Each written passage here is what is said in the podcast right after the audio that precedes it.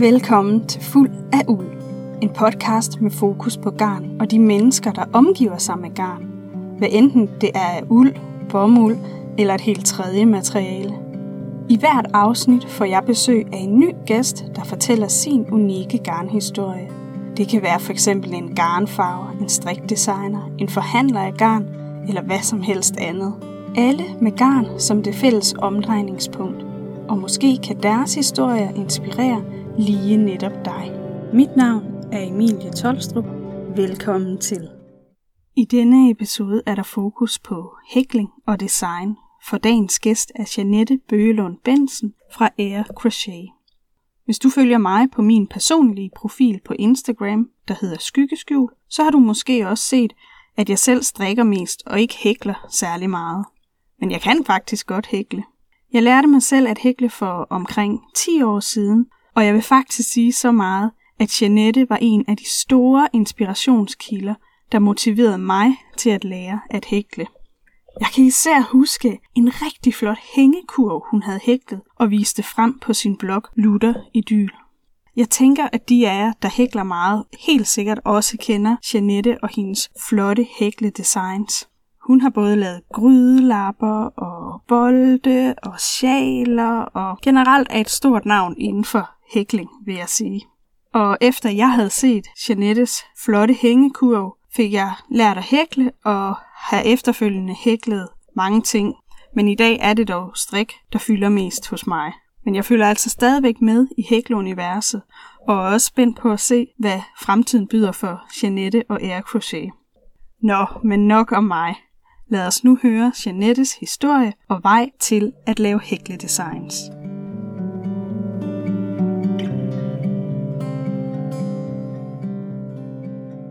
Janette, jeg er super glad for, at du vil være med i min podcast. Jeg har glædet mig til at snakke med dig. Og jeg tænkte, vi skulle starte fra begyndelsen. Og så kunne jeg godt tænke mig at spørge dig, hvordan og hvornår du lærte at hækle. Mm, ja, altså jeg tror så mange andre, så stiftede man lige kort bekendtskab med det, da jeg var helt lille, hvor min mormor eller min mor viste mig noget. Øh, og så blev det ikke til mere ved det. Men igen, som mange andre, så øh, da jeg så ventede mig mit første barn, så skulle der ske noget. så jeg gik ned øh, i en garnbutik og købte et øh, lille hæfte, Sys Fredens, en lille hækleskole, og et nøglegarn og en hæklenål. Så gik jeg i gang, og så har jeg ikke lige siden. jeg har ikke kunne stoppe igen. Og hvordan fandt du så på, at du ville lave dine egne hækledesigns? Jamen det kom sådan ret øh, sådan glidende. Øh, jeg, da jeg begyndte at hækle kort tid efter, eller også var det endda lidt før, det kan jeg ikke huske, der oprettede jeg øh, en blog, hvor jeg jo så delte de her ting, jeg lavede. Og, øh, og i og med, at jeg har en, en designbaggrund og noget, så, så gik der ikke lang tid før, jeg begyndte at sætte mit eget præg på de her hækleopskrifter, og ligesom så systemet i, hvordan sådan en hækleopskrift er bygget op. Så begyndte jeg jo så at dele nogle af de her små ændringer, jeg havde lavet og små selvkomponerede hækleopskrifter på nettet. Og ja, så, så begyndte det derfra. Og nu siger du, du har en, en designbaggrund. Jeg kunne godt tænke mig, hvis du vil komme lidt mere ind på, hvad det er for en baggrund, du har, og hvordan det, øh, hvad skal man sige, påvirker din udvikling af designs. Jamen, jeg har en, øh, en, øh, en bachelor, øh, hvad hedder sådan noget, det hedder, hvad hedder det nu? det hedder en designteknolog, altså med det industrielle design, det er faktisk møbeldesign. Og så derudover så har jeg så noget IT-design, en kandidat fra IT-universitetet i København også. Så de to ting kombineret, det påvirker faktisk det, jeg laver ret meget. Fordelen ved hækling er bare, at, øh, at det var lidt nemmere at gå til at arbejde med hjemmefra, end det var at gå i gang med at snækkerere en eller anden stol eller noget andet større. øh, ja. Så hvordan lærte du så selv at lave hækleopskrifter? Har du, har du fået noget undervisning i, hvordan man, man laver en opskrift? Ej, det er meget autodidakt, øh, og, det, og det kan man også se, hvis, jeg går, altså, hvis man går tilbage øh, og finder, øh, når jeg finder nogle af de gamle opskrifter fra, fra min blog. Altså, det var knap nok en opskrift øh, på det tidspunkt, der anede jeg ikke, der var noget, der hed øh, hæklefasthed for eksempel, og heller ikke oplyse noget med garnmængde og specielt Det, det, det hed bare bomuldsgarn, eller alpakagarn, eller hvad det var, jeg havde brugt. Ikke? Og selv i min første bog faktisk, hvor jeg jo også havde øh, en med indover, der er det stadigvæk meget simpelt, vil jeg sige, øh, i forhold til det, jeg laver nu. Altså der er sket en udvikling? Ja, det er der. Øh, men jeg vil sige, det er i høj grad kommet, altså været nødt til at, at ændre sig, fordi jeg er blevet mere og mere inspireret af, af hvordan man bygger en strikkeopskrift op. Altså jeg har, synes ikke, jeg har haft så mange hækleopskrifter, og sådan kunne holde mig til, at, og, og hver designer skriver meget på deres egen måde. Så, øh, så det har taget nogle år lige at, at finde formen og den måde, jeg synes, der fungerer bedst. Men jeg er heller ikke sikker på, at jeg er helt i mål med. Jeg synes, jeg er ved at, at ramme noget, der er godt. og hvornår gik dit arbejde med at lave hækleopskrifter så fra at være mere sådan en hobbyting til at blive en, en virksomhed og, og dit arbejde? Øhm, det gjorde det øh, under mit studie, altså da jeg var i gang med at tage min kandidat. Der, jeg havde, der havde jeg jo som sagt et, øh, et barn, og havde svært ved at tage et almindeligt studiearbejde, øh, fordi jeg er alene med ham, øh, eller var alene med ham 14 dage om måneden, fordi min mand han sejler. Det vil sige, jeg havde ikke, ja, jeg var lidt begrænset der, og der, der fyldte hækling så meget, og jeg havde idéerne til, til en bog. Og da den bog så ligesom kom ud, så kunne jeg se, okay, det kan i hvert fald godt, altså det gik så godt med den, at det, det godt kunne kaldes et rigtig fint studiearbejde. Så allerede der begyndte jeg at tage det sådan lidt mere seriøst og kunne se, okay, jeg kan, det, ja, det kan faktisk godt lade sig gøre det her. Men derfra så til at tage det, det helt store skridt og sige, nu er det det, jeg vil prøve at leve af. Det, det kom først, da jeg var færdig med min kandidat og skulle til ud i det virkelige liv og have et rigtigt arbejde. Og min mand sejler stadigvæk på det her tidspunkt, det gør han også i dag. Så jeg havde virkelig, virkelig, virkelig svært ved at se mig selv, hvordan jeg skulle få, få en hverdag til at hænge sammen med et almindeligt arbejde. Så, øh, så jeg fik øh, samlet mig mod til at sætte mig ned og kigge min mand i øjnene og sige, kan det på nogen måde lade sig gøre, at jeg de næste år prøver at, at se, om jeg kan leve af det her. Simpelthen fordi, at, at jeg ikke mente, at vores familie ligesom kunne hænge sammen på anden vis, faktisk. Så det vil sige, at nu er det ligesom dit, skal man sige, eneste arbejde. Du har ikke et, et andet arbejde ved siden af. Du Nej, det her det er, in. jeg er gået all in. Ja. Og hvad er så din vision med Air Crochet? Altså sådan, helt egoistisk, så er det, at jeg kan leve af det, fordi det er stadigvæk lidt op ad bakke. Men øh, det er også på grund af, at der har været en, en forskellige afbrydelser på privatfronten med, med flere børn og graviditeter og øh, flytning og så videre. Men nu er vi landet, og øh, min, altså, det der virkelig sådan driver mig i forhold til det her, at, at jeg har lyst til at fortsætte det her vanvittige projekt, det er jo, at jeg, jeg, jeg, har, jeg er kommet så dybt ind i det her håndværk, som jeg lidt oplever har været forsømt i mange år, og som ikke er blevet udviklet, og der er så mange muligheder, og jeg, jeg har så, der er så mange ting, der, skal, der mangler at blive designet og blive gjort fedt, øh, som kan lade sig gøre, og jeg, ja, det brænder jeg virkelig, virkelig, virkelig for at, at få ud. Og hvad, hvad kunne det for eksempel være, som du øh, brænder for at få ud, hvis du vil løfte et lille slør for det? Jamen, det vil jeg gerne. Jamen, her under min, øh, min sidste barsel især, der har jeg bare fået, fået, jeg har fået hæklet en masse, men jeg har ikke haft roen til at kunne ligesom, få det omsat til deciderede opskrifter og, og sådan noget. Og det, jeg, jeg har gjort, det er at, at finde sådan nye øh, strukturer på mærkelige hjemmesider, øh, men jeg har også selv fået udviklet nogle nye former for ja, strukturer, som kan bruges til forskellige designs, som bare er virkelig, virkelig, virkelig, virkelig pæne. Øhm, grunden til, at det ikke bare lige kan blive til designs, det er, at, at meget af det er jo noget, jeg selv finder på, eller jeg bruger maskerne på en, på en ny måde, som de ikke plejer at blive brugt. Og så er det rigtig svært at skrive sig ud af. Så jeg har ligesom måttet erkende, at jeg er nødt til at simpelthen skal have videoer til nærmest samtlige af mine opskrifter, og hvordan jeg gør det. Fordi jeg netop bruger så meget krudt på, på de her nye strukturer, men også nye måder at øh, montere tingene på, eller ja, simpelthen, altså det her finish, det vil jeg virkelig gerne have, at, at, øh, at det ikke kun er mig selv, der kan opnå det, men at jeg ligesom også kan det få, få det formidlet videre til andre, så at, at folk, når de køber en opskrift fra mig, ved, at de får et mega fint resultat, som også har et flot finish. Og jeg tager dem i hånden hele vejen. Det, øh, der har lige været en periode på, altså netop under det her, Altså, de her forskellige graviditeter og barsel, hvor jeg har lavet nye ting, men, men hvor jeg har haft svært ved at få det formidlet videre. De her nye ting, jeg gjorde med maskerne. Øh, et, et godt eksempel, det er min, min sidste bog, den der hedder Lutter Lykker 3, hvor jeg, hvor jeg laver det, jeg kalder for mosaikhækling. Og det er ikke fordi det er svært, men det er bare det er bare anderledes end det, man plejer at gøre. Og det har virkelig været svært at få det formidlet, selvom jeg synes, jeg har prøvet. Så video skal der til. Hvordan vil du karakterisere dine designs eller din stil? Det er enkelt, og øh, det er moderne, og øh, der er tit lige et lille twist, og netop fokus på finish. Mere let og luftigt, end det hækling, de fleste tænker på, når man siger hækling. Håber jeg.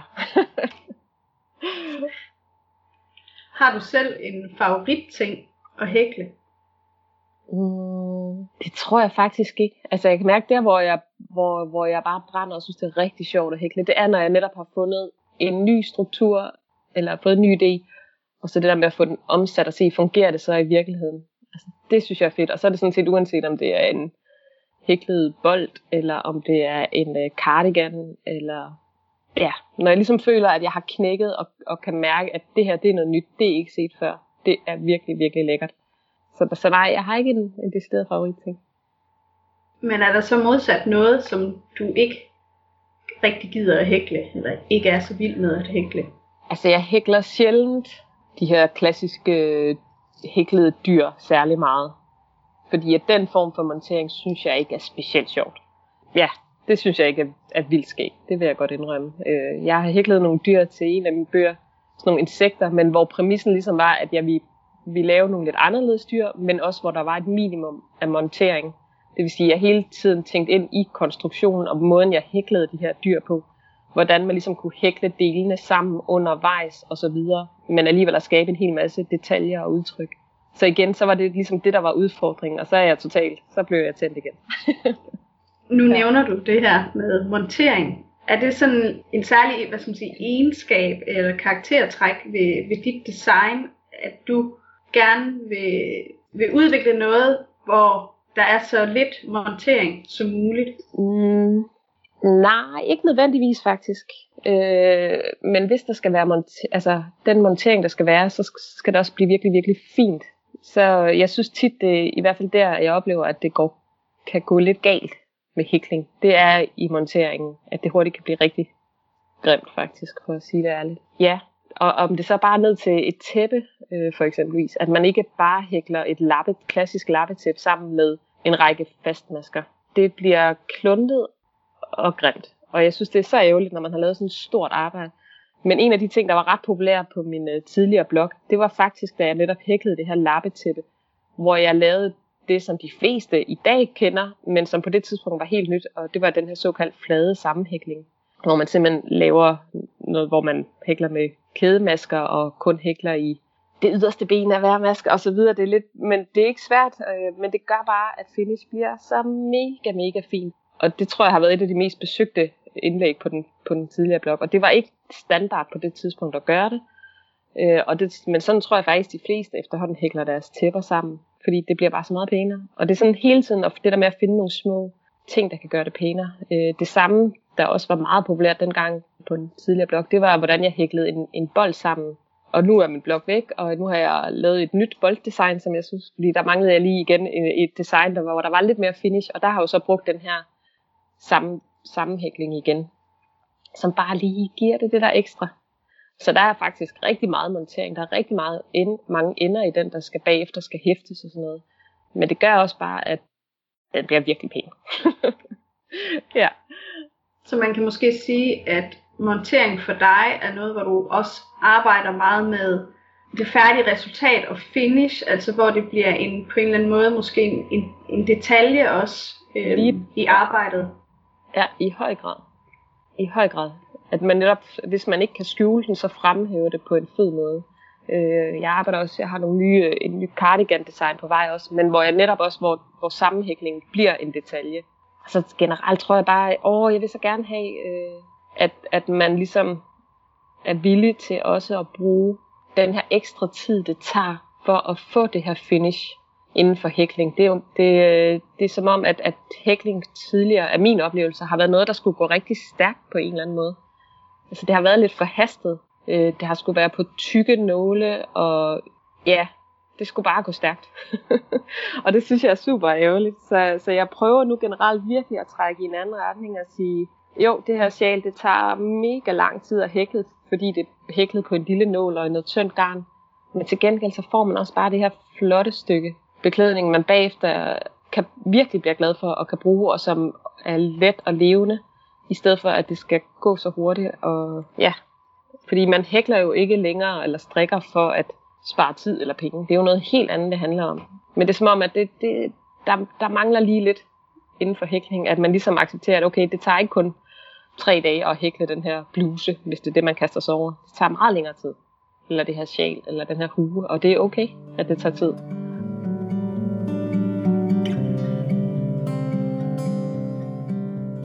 Hvilke udfordringer møder du som hækledesigner? Altså sådan øh, på håndværket i sig selv møder jeg jo de udfordringer. Der er en masse benspænd i hækling øh, i forhold til eksempelvis strik. Man kan ikke øh, man kan ikke bare tage en bestemt struktur og så hækle den både frem og tilbage og rundt. Altså det giver ikke det samme resultat, som man vil kunne med strik, hvor man ligesom kan øh, det vil sige i forhold til især beklædning er det jo ekstra udfordrende, fordi at, at hvis jeg finder på en ny struktur, så kan det godt være, at den fungerer, når jeg hækler rundt, men den fungerer ikke nødvendigvis, når jeg hækler frem og tilbage. Så der er en masse der i forhold til konstruktionen, hvilket er super træls, men som jeg jo også bare synes, er, altså det gør jo også det så meget sjovere, når man så knækker noget på en eller anden måde og får det til at lykkes. Ikke? Og så i, i forhold til selve branchen, eller ikke branchen, men måske det her område hækling, der, der er det jo også der, der er virkelig sket en udvikling på en positiv måde, men der er stadigvæk mange områder, der halter bagefter. Øh, og det tror jeg både gælder strik og hækling, men hele den her oplevelse af, hvad folk ligesom forbinder hækling med og strik, og hvad man må og ikke må, og sådan noget helt dagpraktisk, som sådan noget med, med rettigheder, og at man ikke bare må kopiere fra en bog, og at man ikke bare må det ene og det andet. Der er lige en masse der, der halter efter, fordi at, ja, at der generelt er sket en masse i branchen, ikke?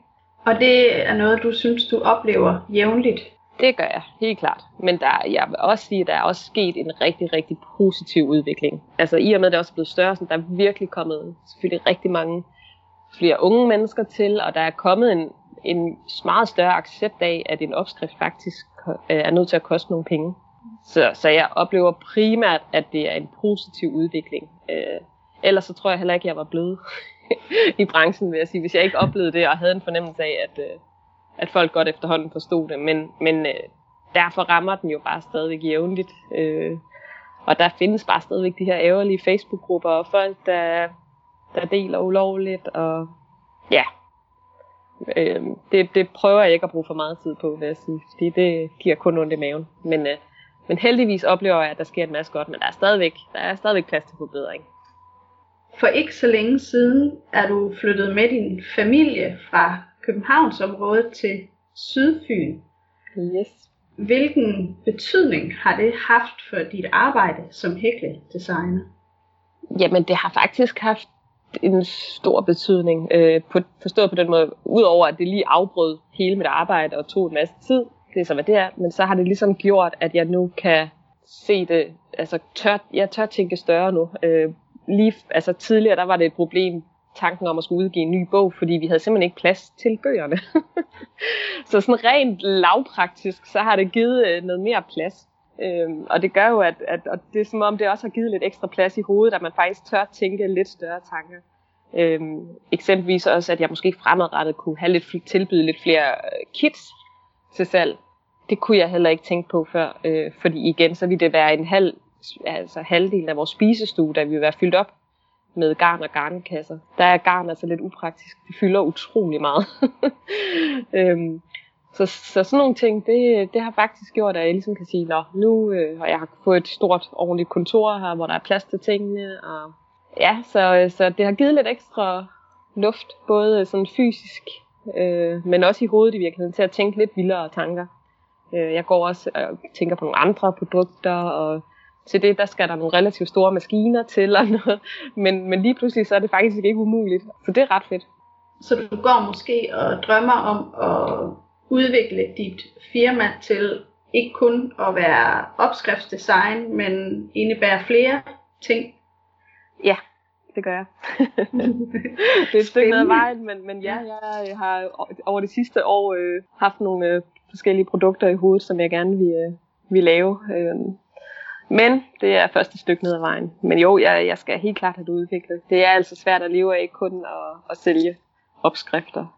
Så øh, jeg håber der på sigt, at der kommer nogle, selvfølgelig flere bøger til, men måske også nogle flere kurser, og ja, og så nogle flere hemmelige produkter. Spændende, det glæder jeg mig til at følge med i. nu nævnte du selv øh, bøger, og der kunne jeg godt tænke mig at snakke lidt om, fordi du har udgivet flere bøger, og hvordan har du oplevet forskellen på at udvikle en bog med hækleopskrifter i forhold til at øh, udvikle opskrifter, der bliver sat til salg sådan enkeltvis? Jamen, altså, jeg synes, det er enormt tilfredsstillende at lave en bog. Jeg synes bare, det kan noget andet at, at få sådan en fysisk bog i hånden.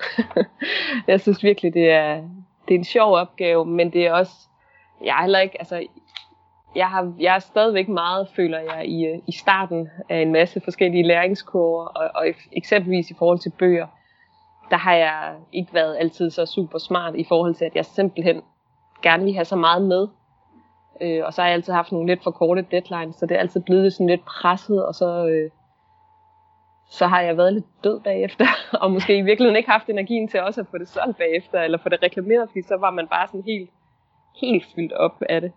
Så, øh, så det er også en ting, jeg, jeg ligesom gerne fremadrettet vil blive lidt skarpere på, og måske lave lidt, lidt mindre bøger, øh, og hvor de så til gengæld måske er lidt mere gennemarbejdet, eller der er netop er lidt flere video, videoer til og så videre. Så, men altså, jeg ser det hele som en proces, og det, altså, at det har været god læring, og det er sjovt at kaste ud i, og de har jo heldigvis solgt rigtig fint. Så det giver jo også et kig at, øh, at, at se ens bøger ude omkring. Øh. Så vi kan godt forvente flere bøger fra din hånd i fremtiden? Ja, jeg tror ikke, jeg kan lade være. Altså, jeg ved ikke, om det er rent. Jeg har faktisk ikke sådan helt styr på, om det egentlig giver. Det giver nok i virkeligheden ikke så meget mening rent øh, økonomisk i forhold til, øh, hvor mange opskrifter man, man får for pengene, og der er også trykudgifter og så videre og så videre. Men jeg synes, det er tilfredsstillende. Jeg tror måske også, at tingene hjælper hinanden lidt på vej. Og som sagt, jeg synes, det er virkelig, virkelig sjovt at lave det her lille værk, frem for bare at lave enkelte opskrifter. Så, så jo, det vil jeg helt sikkert fortsætte med. Jeg skal bare lige have fundet en, en lidt anden form, tror jeg. Ja, arbejdet med at udvikle en hel bog med opskrifter er jo også en del større end at udgive enkelte ja. opskrifter. Ja, absolut. det er det. Ja. Der, der er mange andre processer indover også.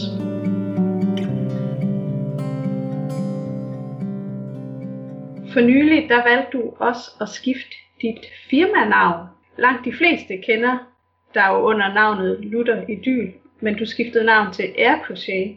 Ja. Hvilke overvejelser har du gjort dig i forbindelse med det? Jamen det ord, det har jeg gjort mig mange overvejelser omkring. Øhm, jeg har i mange år faktisk været lidt træt af det her navn. Øh, Luther Idyl, det opstod jo, da jeg netop sad her med, med, med og gravid med mit første barn og skulle lave og lave den her blog, og så skulle man lige hurtigt vælge et eller andet navn til sin blog. Og på det tidspunkt synes jeg, det var... Jeg kan ikke engang huske, om jeg havde følt. Det er sådan set også lige meget. Men øh, det var den her følelse af, at, at det var på ingen måde lutter i dyl. Men det var min blog. Så det var ligesom mit lille frirum til, at herinde, der, tager, der er det billeder fra de pæne vinkler. og der kan man ikke se, at jeg ikke har været i bad, og der kan man ikke se rodet, der ligger over i hjørnet, og så videre. Så, så, så det var ment sådan lidt sarkastisk i sin tid, og jeg var egentlig også glad for det. Det var slet ikke det, øh, da det bare var den her mommy-blog, der passede det egentlig meget fint til. Men så var det jo det her med, at hækling begyndte at fylde mere og mere, og den første bog kom ud, og ja, lige pludselig så sådan gik det lidt fra at være blog til, så skulle der også lige være en webshop, og det hele har jeg følt er blevet, har været lidt noget råd, fordi det, det har aldrig været noget med, at jeg har sat noget og tænkt mig om, hvad skulle der ske nu, eller hvad skulle det, det, øh, det, ene har ligesom bare taget det andet. Så jeg kunne mærke, at nu her, hvor jeg ved, at øh, vi skal ikke have flere børn nu, tre er nok for os, øh, og vi er landet der, hvor vi skal være, og øh, der begynder at være netter med sammenhængende søvn igen. Og jeg vidste, at hvis jeg skulle give det her et skud, så var det ligesom nu. Så havde jeg også brug for mentalt at, at føle, at okay, nu, nu er det ikke bare noget, vi leger længere. Nu er det rigtigt. Nu er det et firma, og, det, øh, og jeg skal ligesom kunne stå fuldt ud bag ved det. øhm, ja, og, og sådan være, være stolt, når, når jeg fortæller, hvad mit firma er og så videre. Så jeg havde lidt brug for en ny start på en eller anden måde. Og ja, så ville jeg gerne have et navn, der var lidt mere internationalt, fordi jeg nok også må erkende, at målet er at få, få flere internationale kunder. Fordi at hvis jeg skal kunne leve af det her på et tidspunkt rigtigt, så er Danmark altså bare for lille.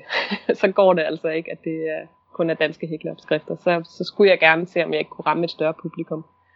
Ja, så det virkede som det helt rigtige tidspunkt at sige, så nu er det en ny start, og nu, øh, nu er det alvor.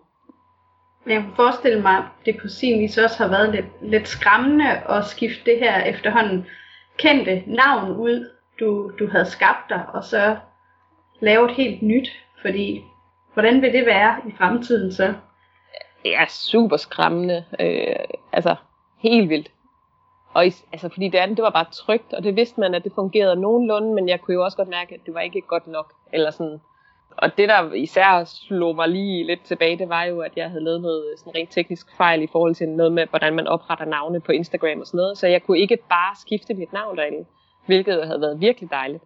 Så jeg var simpelthen nødt til at mærke efter i maven, om jeg ligesom havde is nok i maven til at starte i princippet helt forfra. Det er det jo ikke, fordi der er jo rigtig mange søde af de trofaste følgere, der ligesom er hoppet med over på min nye profil. Men det er stadigvæk, øh, der er stadigvæk lige noget, et, et lille ego, et eller andet inde i, der lige pludselig sådan ikke længere føler sig som en af de store hæklere. Men øh, altså, at man virkelig er forfra igen. Ikke? Men øh, ja, jeg prøver ligesom at se det som en udfordring, og også, at det er også en fin oprydning på en eller anden måde. At, der, at, at den gamle profil er der nok også kommet rigtig mange følgere til, som ikke længere rigtig følger med. Altså som er kommet til af andre årsager, der er delt alt muligt andet end, end bare hækling. Der er der både delt øh, en masse med strik også, og med børn og, og så videre. Så øhm, ja, men jo, skræmmende. Har der været en eller flere af dine designs, som har gjort en tydelig forskel for dit hæklefirmas udvikling? Mm, ja, det har der. Altså, jeg vil faktisk sige, at nogle af de vigtige, det var nogle af dem, der var tilbage i bloggerdagene, hvor man ligesom fandt ud af, hvor relativt på det tidspunkt få greb man skulle gøre, før at folk virkelig synes det var fedt. Og nogle gange var det bare at ændre øh, fasongen eller farve lidt, eller i virkeligheden bare skralde noget fra, altså sådan, man turde lave noget, der var ensfarvet. Eller, altså, der, der, ja, jeg, jeg har virkelig oplevet, at der var mange lavt hængende frugter i den forbindelse, og, øh, og det, det tror jeg tændte mig ret meget. Og så selvfølgelig også, når der har været en enkelt opskrift her, som bare er buller af, hvor man så finder ud af, okay, så, øh, så, er det lige pludselig, altså, så har det lige pludselig kunne betale sig at lave en opskrift. Sådan er det sjældent, vil jeg sige, i forhold til den tid, man ligger i og de penge. Men, men der har været nogen, der ligesom bare har taget fart.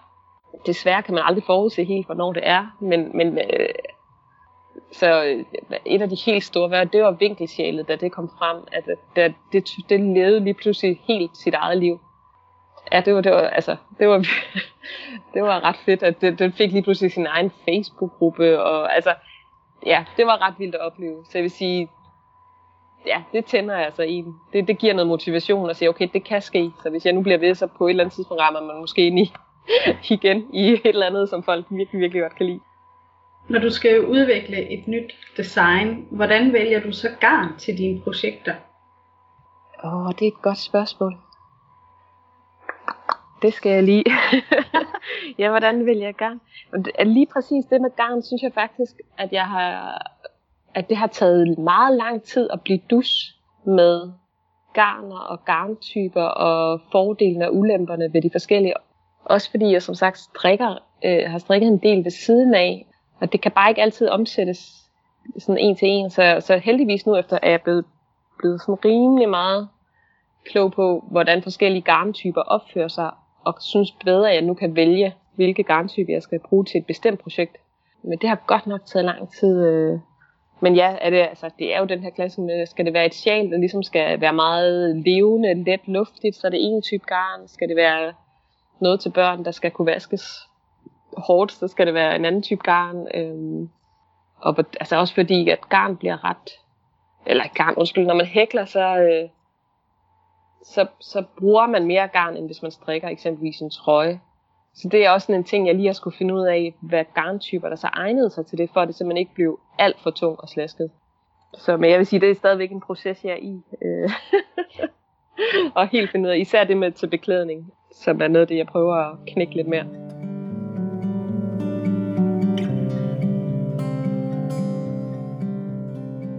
Nu har du også selv nævnt, at du også strikker lidt ved siden af, og du har også udgivet tidligere nogle enkelte strikkeopskrifter. Hvorfor har du valgt også at kaste dig ud i strik, øh, når det ellers har været hækling, det handlede, har handlet meget om? Hvordan kom strik ind i billedet?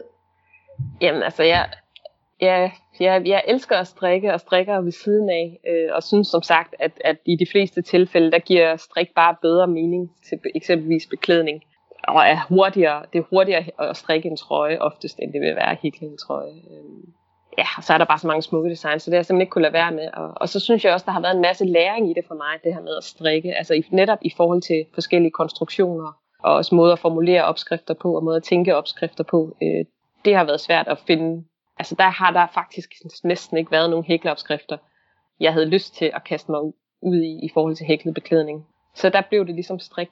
Ja, det var nok mere sådan i, i hvad hedder sådan noget, i blogger-mode, at jeg lavede et eller andet, og så, øh, ja, så prøvede det af. Det har mere været at få prøve det af. Og det er egentlig ikke tanken, jeg vi gør det, men, men øh, eksempelvis det der vinkelsjal, at det kunne jeg ligesom godt overskue også at lave en strikket version af. Øh, og jeg tror også, at jeg blev lidt motiveret af, at jeg synes, at lige pludselig dukkede en masse andre versioner op af noget strikket tilsvarende. Så tænker jeg, det kan jeg lige så godt selv også gøre. tage en, tage en bid af den kage, da det nu er mit design. og, så, og så har det faktisk solgt ret godt. Så, så nu her, da jeg skulle skifte over, var jeg virkelig også i tvivl om, at jeg, ligesom, jeg vil gerne have, at det bare ligesom folk vidste, at det er hækling, man kommer her for. Men øh, jeg er også et sted lige nu, hvor jeg ikke kan være lidt kredsen med, hvor mine penge kommer fra. Så i og med, at, at de opskrifter har solgt og stadigvæk sælger lidt, så, øh, så er de altså også kommet med. Og jeg kan da godt se, at, øh, det havde nok været nemmere, hvis man havde kastet sig over strikket sig i stedet for. Det kan også være, at jeg gør det en dag. Jeg kan ikke udelukke noget. Men lige nu, der er det hækling, der får øh, kærlighed. Så ligger de, de par opskrifter, der er i strik, de, øh, de får lov at ligge der og hygge sig. Så øh, ja. Hvor I ser du den store forskel på at lave hækle og strikke designs? Jamen det er, strik er jo bare en kæmpe, kæmpe, kæmpe stor branche. Det vil sige, der er jo også mange, mange flere konkurrenter. Men der er ligesom også mange flere typer masker eller strukturer, man kan arbejde med. Altså der er virkelig, virkelig, værktøjskassen er kæmpestor, når det kommer til strik. Og ja, markedet er også så meget større, men der er også mange flere konkurrenter, og der er så mange dygtige derude. Altså virkelig. Hvor jeg oplever, at hækling er jo bare stadigvæk en lille søster. Meget en lille søster. og, øh, og har været forsømt i mange år. Så der er bare og der er, der er ikke helt lige så mange værktøjer at gøre godt med, helt lige så mange fede strukturer eller masker, som man bare kan sætte sammen på kryds og tværs, uden det bliver mærkeligt. Så det er et område, hvor der er et kæmpe potentiale, ser jeg, for at virkelig lave noget nyskabende og kunne påvirke den her branche. Øh, og så er der også færre konkurrenter, men der er jo så også færre, der hækler, trods alt. Så, øh, men øh, jeg synes, det er fedt at vide, at, at man faktisk, at kan påvirke en branche så meget, som jeg allerede synes, jeg har oplevet de år, jeg har været på banen, at man kan se nogle, nogle måder at hækle på, der lige pludselig er blevet mere standard, som man ligesom har været med til at indføre. Det, øh, det gør mig stolt. Simpelthen godt gammeldags stolt. Ja. Det kan jeg da godt forstå. Ja. nu snakkede du om det her med beklædning og hækling versus strikbeklædning. Du har jo også lavet flere beklædningsdele, trøjer og sådan noget i, i hæklet. Ja. Ja. Mm. Hvordan griber du, det er jo sådan et rimelig stort design, kan man sige, at udvikle. Hvordan griber du det an, når du skal starte på at udvikle et beklædningsdesign? Jamen igen, apropos øh, stejle læringskurver, øh, så har det her været en af dem. Jeg, jeg tror, altså til at starte med startede jeg baglæns, altså sådan at jeg ligesom bare begyndte at hækle noget og teste og på, og hvor, hvor meget skulle der tages ind og ud, og så derfra prøve at regne lidt på det, og og det kan jeg godt, altså jeg har virkelig spildt meget tid. Er du sunshine, har jeg spildt meget tid. Øhm, så nu prøver jeg at være, altså jeg er lige netop gået i gang med øh, en ny børnetrøje, øh, fordi jeg netop fandt den her nye, ret fine struktur, som jeg har siddet og leget med øh, og udviklet. Og der har jeg så prøvet faktisk at lave den klassiske med at have en hækleprøve, øh, måle den op, og, og hvad er hæklefastheden, og så derfra ligesom beslutte mig for, hvad skal, hals, altså, hvad skal målene være på den færdige trøje. Og så, så regne det baglen, så man simpelthen laver den kedelige del af matematikken først. Det jeg begynder jeg at, at prøve at, at gøre, men det er ikke altid, jeg kan gøre det sådan, hvis det er netop noget helt nyt, hvor jeg er nødt til at teste, teste dage undervejs. Så jeg har også en, øh, både en voksensfætter og en cardigan, som jeg ligesom har lavet på den forkerte måde. Altså hvor jeg simpelthen har, har hæklet det op. Det fungerer super sprødt, men nu skal jeg så hen og regne baglæns og tælle op, og hvad gjorde jeg egentlig, og hvad, ja, hvordan skal de andre størrelser så se ud. Så det, det føles som et større arbejde, så øh, det er helt klart et sted, hvor jeg skal blive bedre til at, at gribe det rigtigt an. Jeg vil sige, det er jo heller ikke det, man, man ser mest af. Jeg kunne forestille mig, at det også har været rimelig efterspurgt med hæklede trøjer og, og lignende beklædningsdele. Ja, altså jeg vil sige, inden for de sidste øh, to-tre år, så er der faktisk kommet en del nye, især danske hækledesignere til, som har kastet sig over beklædning, og jeg synes, det er super sejt. Altså jeg bukker mig virkelig stød for, at de øh, bruger så mange designs ud over. Ja, jeg synes, det, jeg synes stadigvæk, det er svært øh, i forhold til det her med størrelse og graduering og pasform. Øh, altså, jeg har lavet den fineste Jamen, jeg har så mange designs, der ligger bare og venter på at komme ud. Det er fuldstændig sindssygt. Men øh, nu har der været hele den her elefanthus-stille kørende. Øh, og at nej, jeg har ikke lavet den til voksne, og det kommer jeg nok heller ikke til, fordi det går imod alt i mig, kan jeg mærke. Men jeg har lavet den fineste øh, hue til børn. Og det der med at ligesom gennemskue, hvad mål skal den have, for at den har en god pasform, og det ene og det andet, og så samtidig med at udvikle selve konstruktionen osv. Åh, jeg synes, det, øh, den skal jeg sådan også lige øh, og der kan jeg jo se, at folk ligesom bare spytter det ene ud efter det andet, men jeg synes her heller ikke altid, at altså, det der med finish, det, det er tit, hvor jeg sidder og kigger på noget og tænker, uh, det er ikke helt dumt, men åh, oh, hvor det ærgerligt, at man ikke lige har gjort det der sidste. Ja, så jeg har nogle nye designs på vej, men har desværre ikke kunne vise en hel masse, fordi det er igen det her med, det er nye strukturer, og så man, fordi at hækling er så begrænset i, hvad muligheder der er, så har jeg ligesom øh, desværre lært for længe, at man er nødt til lige at holde kortene lidt tæt på kroppen, indtil man ligesom er, er klar med nogle designs. Fordi ellers så sidder der altså nogle mennesker derude, der er lidt mere effektive eller hurtigere end en, og ligesom godt også kan se fidusen i, uh, det her det kunne man da også lige bruge på en sweater, eller uh, det kunne man også lige bruge på et eller andet. Ikke? Så, øh, så der er jeg nok blevet lidt mere paranoid i forhold til ligesom at, at lige få brugt de her nye ting, jeg har fundet på selv først. lidt, ja. Og nu har vi både snakket om strik og hækling. Hvis du skulle sætte nogle ord på, hvad du synes er det særlige ved hækling, hvad vil du så sige? Mm, det er et godt spørgsmål. Jamen, ligesom øh, strik har nogle fordele, så har hækling jo også nogle fordele. Altså til netop de her lidt mere ting, der skal være lidt mere faste og så videre. Det ved jeg ikke, så kan jeg også bare selv godt lide at veksle mellem det. Jeg synes, det er faktisk to ret forskellige håndværk, når man sidder med det. Jeg ved ikke, hvad, ja, og så er det jo selvfølgelig det, du kun arbejder med en, en nål, og ikke taber maskerne på helt samme måde som i, som i strik. Det er jo også en fordel. Øh, og så netop til nogle dele, der, altså ting, der skal konstrueres, så er, det, så er det jo også nemmere med hækling. Altså jeg synes, det, der findes eksempel, hvis jeg skulle leve i et område, så synes jeg ikke, der findes helt lige så mange fede strikkede bamser eksempelvis, eller legetøj på samme måde. Altså det bliver hurtigt, ser, det ser hurtigt til gengæld sådan lidt. Der, ja, skal jeg ikke fornærme nogen. Selvfølgelig er der også fede ting der, men, men det er mere begrænset der, ikke? Så, øh, men jeg er så selv, så jeg elsker jo bare den der udfordring, der er i at få det gjort fedt. Og ligesom puste støvet lidt af det her håndværk, og netop få det gjort mere let og luftigt. Hvordan arbejder du så med netop at få det gjort mere let og luftigt? Fordi hæklingen jo tit kan have lidt netop det ry om at være lidt tungt og kompakt i det. Det er det her med at have mod til at sige, at gå, gå ned enten på nogle mindre hæklenåle til et stort sjal og i noget tyndt garn eksempelvis. Øh, og også det her, nu har jeg hæklet en, en sweater, men hvor det faktisk er helt op på en 06, men i noget tyndt garn, men fordi strukturen simpelthen bliver så kompakt, så at jeg er nødt til ligesom at have det her lidt mismatch mellem nål og, og garn. Og det er noget, altså, det kan jeg virkelig se, at det forvirrer også folk, fordi når de kigger jo på banderolen og siger, jamen der står jo, at man skal bruge hæklenål nummer 3 til det her garn, hvor jeg så bruger 06, hvor jeg sådan, jamen det, det kommer an på, hvad, det, hvad du vil opnå. Vil du have et tæt kompakt resultat øh, til en bold, hvor du kan komme fiberfylde i, uden det kommer ud, eller skal det være let og luftigt og levende, øh, hvis det er til et sjal.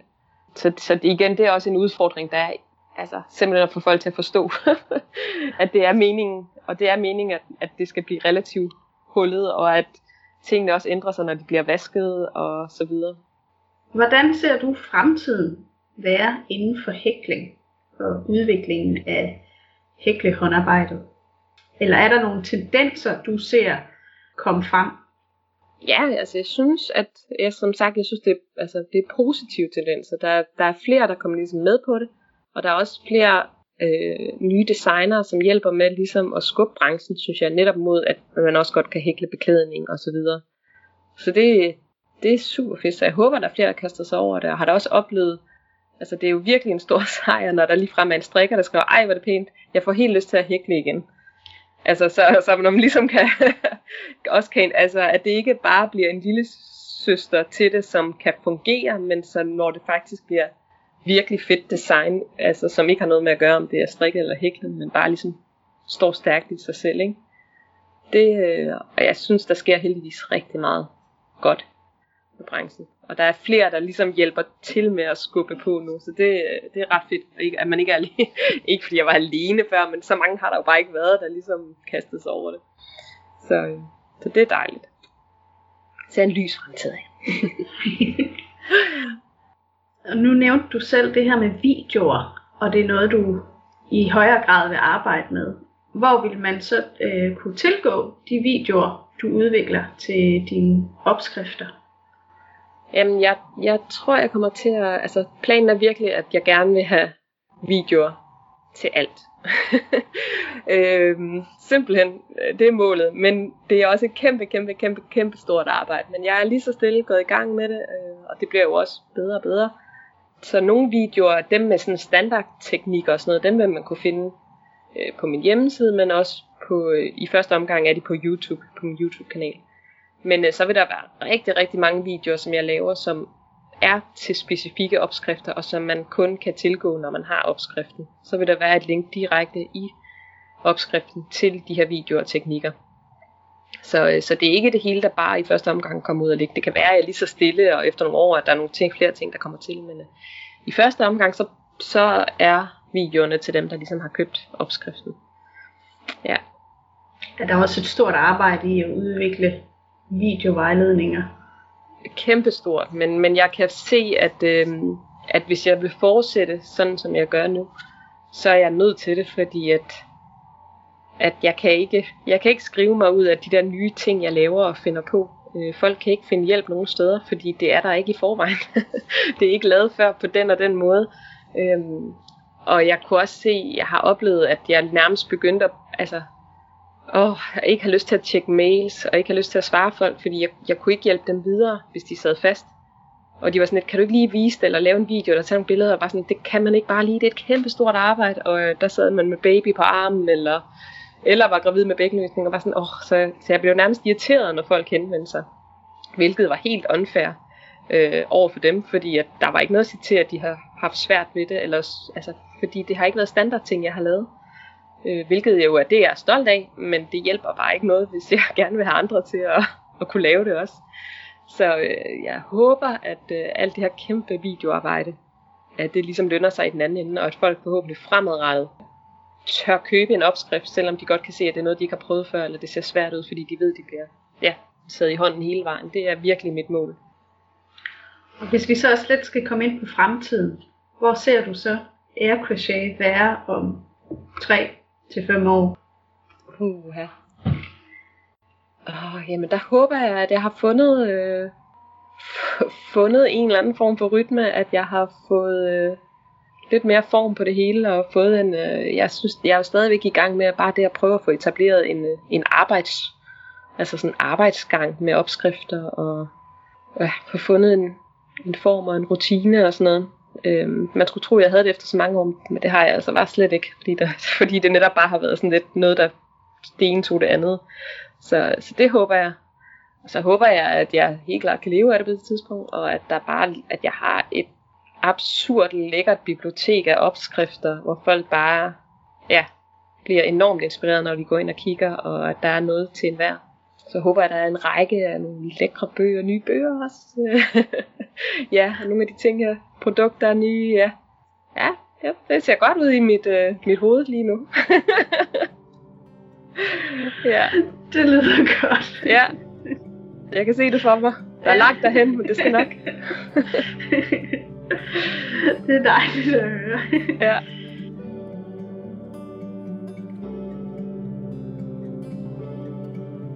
Podcastens 10. afsnit lakker mod enden, og jeg vil sige en stor tak til Janette fra Air Crochet for at være med som gæst. Husk, at du også kan være med, hvis du har en interessant garnhistorie at fortælle. Eller hvis du eller din virksomhed gerne vil sponsorere podcasten, så tøv heller ikke med at kontakte mig. Det kan du gøre på fuld af uld podcast gmail.com eller over Instagram på profilen fuld af uld. Jeg er altid på udkig efter nye gæster eller sponsorer til podcasten.